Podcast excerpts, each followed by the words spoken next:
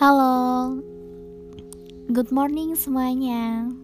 Selamat pagi. Ya, kata itu sering kita dengar ya, apalagi di saat kondisi seperti ini. Oh iya, salam kenal. Saya Vivi.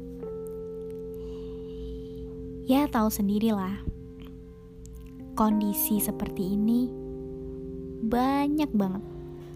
Setiap orang menciptakan suatu karya. Seperti halnya menulis, memasak, menciptakan suatu lagu, puisi, atau bahkan hanya sekedar rebahan di atas kasur. Tapi selepas dari semua itu, kita bisa dekat dengan keluarga. Oh iya, ini pertama kalinya saya buat podcast.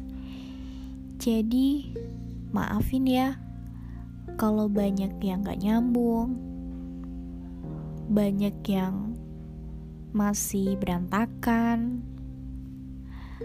Kalau ucapan saya ada yang gak bisa dicontoh, ada yang gak baik, ya anggap aja cuman angin lewat.